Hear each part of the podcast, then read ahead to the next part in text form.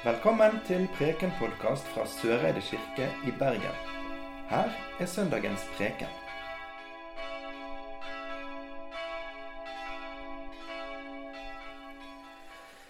Det står skrevet i salmene Herren er min hyrding, jeg mangler ikke noe. Han let meg ligge i grønne enger. Han fører meg til vatn der jeg finner hvile. Han gjev meg nytt liv. Han leier meg på rettferdsstiger for sitt navns skyld. Om jeg så går i dødsskuggens dal, er jeg ikke redd for noe vondt. For du er med meg, din kjepp og din stav, de trøyster meg. Du duker bord for meg framfor mine fiender. Du salver mitt hoved med olje, mitt beger renner over. Bare godleik og miskunn skal følge med meg alle mine dager, og jeg skal bo i Herrens hus gjennom alle tider. Slik lyder Herrens ord. Det står skrevet i evangeliet etter Markus.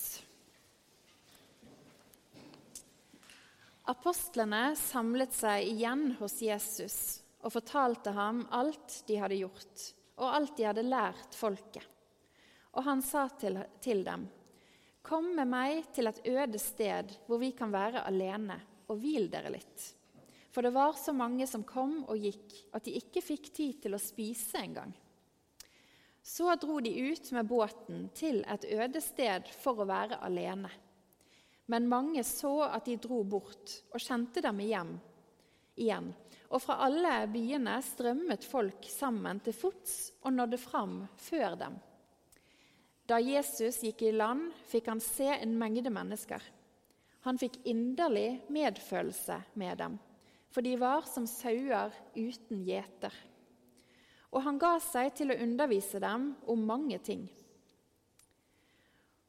Det var nå blitt sent på dagen, og disiplene kom til ham og sa:" Stedet er øde, og det er alt blitt sent. Send dem fra deg så de kan dra til gårdene og landsbyene her omkring og kjøpe mat. Men Jesus svarte, 'Dere skal gi dem mat.' De sa, 'Skal vi kanskje gå og kjøpe brød for 200 denarer, så de kan få spise?' 'Hvor mange brød har dere?' spurte han. 'Gå og se etter.' Da de hadde gjort det, sa de, 'Fem brød og to fisker.' Så sa han at de skulle la alle danne matlag og sette seg i det grønne gresset. Og de slo seg ned, rekke ved rekke, noen på 100 og noen på 50. Så tok han de fem brødene og de to fiskene, løftet blikket mot himmelen og ba takkebønnen, brøt brødene i stykker og ga til disiplene, for at de skulle dele ut til folk. De to fiskene delte han også ut til alle og alle spiste og ble mette. Etterpå samlet de opp tolv fulle kurver med brødstykker og fisk. Det var 5000 mann som hadde spist. Slik lyder Herrens ord.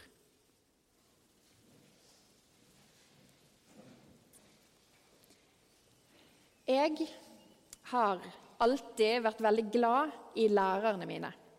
Opp igjennom så har jeg vært eh, det som man eh, kanskje kan kalle, ikke for å skryte, en mønsterelev. Pliktoppfyllende, tillitsfull og alltid med ønske om at lærerne skal se det beste i meg, og helst ha meg som favoritt i klassen. Jeg eh, er òg en som har tatt alt lærerne mine har sagt, for god fisk. F.eks. da læreren vår i første klasse på barneskolen overbeviste hele klassen om at hun var en heks, og at vi derfor måtte oppføre oss også etter skoletid. For da hadde hun overblikket fra sopelimen som hun flydde over husene våre med. Det svelget jeg rått. Også som voksen student så har lærerne mine vært med på å forme meg mer enn hva jeg egentlig er klar over, eller jeg liker å innrømme. Og det hender at jeg tar meg sjøl i å sitere både den ene og den andre læreren som jeg har hatt, både bevisst og ubevisst. Lærere er viktige tillitspersoner, og noen av mine aller største forbilder det har vært lærerne mine. Men så har denne her idylliseringen av lærere i mitt liv ett viktig unntak. Jeg har nemlig én spesiell lærer som jeg, beklager å måtte si det, aldri likte. Jeg tror ikke hun var spesielt begeistret for meg heller, veslevoksen og viktig som jeg var. Og sikkert litt frekk, for å være ærlig. Og Det hele det toppet seg en gang vi var på friluftsdag på et av Bergens syv fjell. Det hadde regnet hele dagen, og vi hadde hoppet i de sølepyttene som var å oppdrive, og herjet mer enn vi hadde lært noe. Det må ha vært ganske fælt egentlig, å være på tur med den klassen min. Og da skjønner jeg at selv en lærer kan miste det. Mot slutten av dagen så skjedde det som kanskje måtte skje. Læreren skulle gi oss en beskjed. Hun var nok ganske lei og klar for å få oss hjem snarest mulig. Og Jeg husker jeg var opptatt av å se en helt annen vei og tenke på mine egne tanker. Og fulgte ikke med på de beskjedene hun prøvde å gi oss. Men plutselig så hører jeg at hun roper til meg. Og du, sauehode. Og resten av klassen de ble for første gang den dagen helt stille. Hadde hun virkelig kalt en elev for sauehode? Og Denne hendelsen gjorde altså et ganske sterkt inntrykk på ti år gamle Marte. Mønstereleven som aldri hadde fått kjeft av en voksen før. Tenk å bli kalt sauehode av en lærer foran hele klassen. Det var rett og slett sjokkerende. I dag, noen få år seinere, så har jeg null problem med å stå her og identifisere meg med en sau. Det er faktisk noe veldig fint og bokstavelig talt oppløftende i den sammenligningen. Den søndagen her den kalles ofte for hyrdesøndag. Fordi at tekstene det handler om hyrde- eller gjetermotivet. Om gjeteren og sauene. Om Gud og om oss.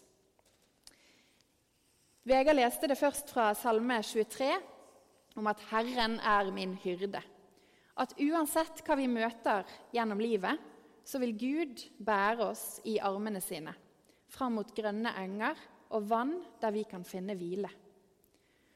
Og så leste vi videre fra 1. Peters brev, der de eldste i menigheten blir bedt om å være hyrder, altså forbilder, for flokken i menigheten.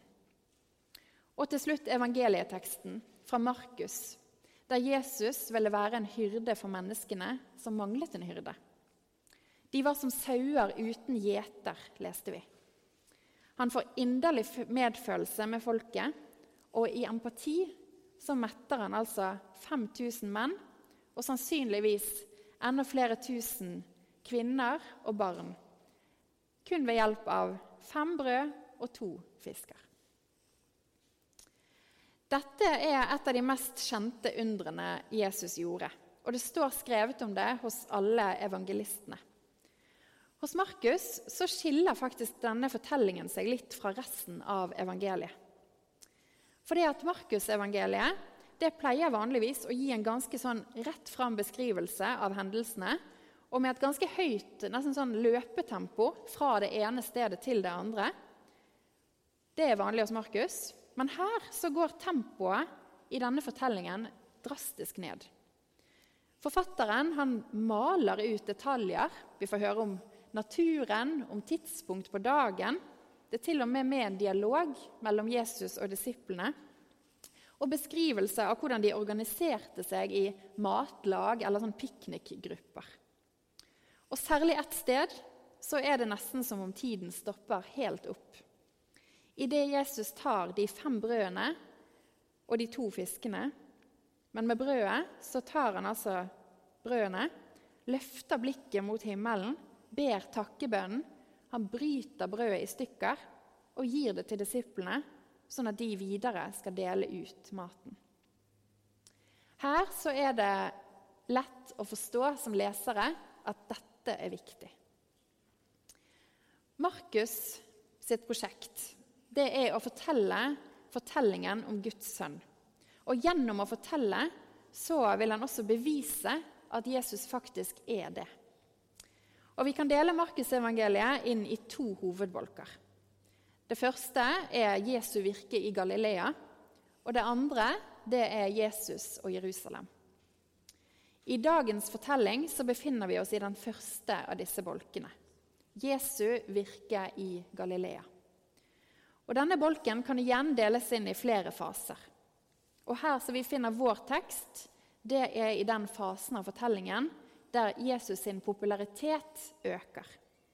Hans makt og autoritet blir demonstrert på forskjellige måter. Både menneskelig, gjennom at han underviser, men også guddommelig. Han har all makt i himmelen og på jorden. Han viser seg guddommelig gjennom at han opptrer som Gud. Han stiller stormen, han helbreder. Og brødunderet, som vi hører om i dagens tekst, det viser hans suverene makt over naturkreftene. Brødet det innehar nemlig hele skaperverket i seg. Hele skaperverket er innbakt i brødet. I antikken var det vanlig å tenke at skaperverket besto av disse fire elementene, der alle fire er til stede i brødet. Jord, luft, vann og ild. Alt må til for at et brød skal være et brød. Og Jesus, som er selve Guds sønn, han har makt over brødet til å dele det ut uendelig. Han som er livets brød og opphavet til alt som lever, han har også makt til å dele det videre ved hjelp av disiplene. Jesus gis i dette underet suveren makt over naturkreftene. Og så skjer underet altså i rammen av empati. Jesus får inderlig medfølelse for folkemengden der de er som sauer uten en gjeter. Og Jesus han opptrer da som en gjeter idet han fører folkemengden til det grønne gresset og gir dem næring. Og etter at alle har spist seg mette, så er det enda rikelig igjen. En hyrde eller en gjeter vet hva sauen trenger. Og En tolkning av den kjente og veldig kjære Salme 23, som vi leste først i dag, en tolkning av den er at denne jeg-personen, altså sauen, ser tilbake på livet sitt. Hun eller han ser og oppdager at Gud hele tiden har vært der sammen med henne eller med han og gitt trøst, godhet, hvile og trygghet. Alt etter hvilket behov denne sauen har hatt. Og Dermed så blir Salme 23 også et løfte om at Gud òg er hyrde for denne sauen framover. Løftet om at hyrden skal passe på sauen, det står støtt, uansett hva som skjer og hva livet bringer. Det var sjokkerende å bli kalt for sauehode av læreren min. Men å bli sammenlignet med sau av Jesus, det uttrykker Guds sterke kjærlighet for hver enkelt av oss. Og I forlengelsen av denne Salme 23 så vil jeg til slutt lese en fortelling som noen av dere kanskje har hørt før, om fotsporene i sand. En natt hadde en mann en drøm. Han drømte at han spaserte langs stranden sammen med Herren. Over himmelen kom bilder fra livet hans til syne. For hvert bilde han så, oppdaget han at det var to par fotspor i sand. Det ene var hans egne, og det andre var Herrens. Da det siste bildet for forbi over himmelen, så han tilbake på fotsporene i sanden. Han la merke til at mange ganger i livets løp så var det bare ett par fotspor. Da oppdaget han også at det var de gangene da livet hans hadde vært vanskeligst og mest smertefullt. Dette forsto han ikke, så han spurte Herren. Herre, du sa en gang at da jeg bestemte meg for å følge deg, så ville du alltid gå med meg og aldri forlate meg. Men nå ser jeg at da min nød var størst og livet vanskeligst å leve, da er det bare ett par fotspor. Jeg forstår ikke hvorfor du forlot meg da jeg trengte deg mest. Da svarte Herren, Mitt kjære og dyrebare barn. Jeg elsker deg og vil aldri forlate deg. De gangene i livet ditt da prøvelsene og lidelsene dine var størst, og du bare kan se ett par spor i sanden, det var de gangene da jeg bar deg i armene mine. Ære være Faderen, Sønnen og Den hellige ånd, vår skaper, frigjører og livgiver.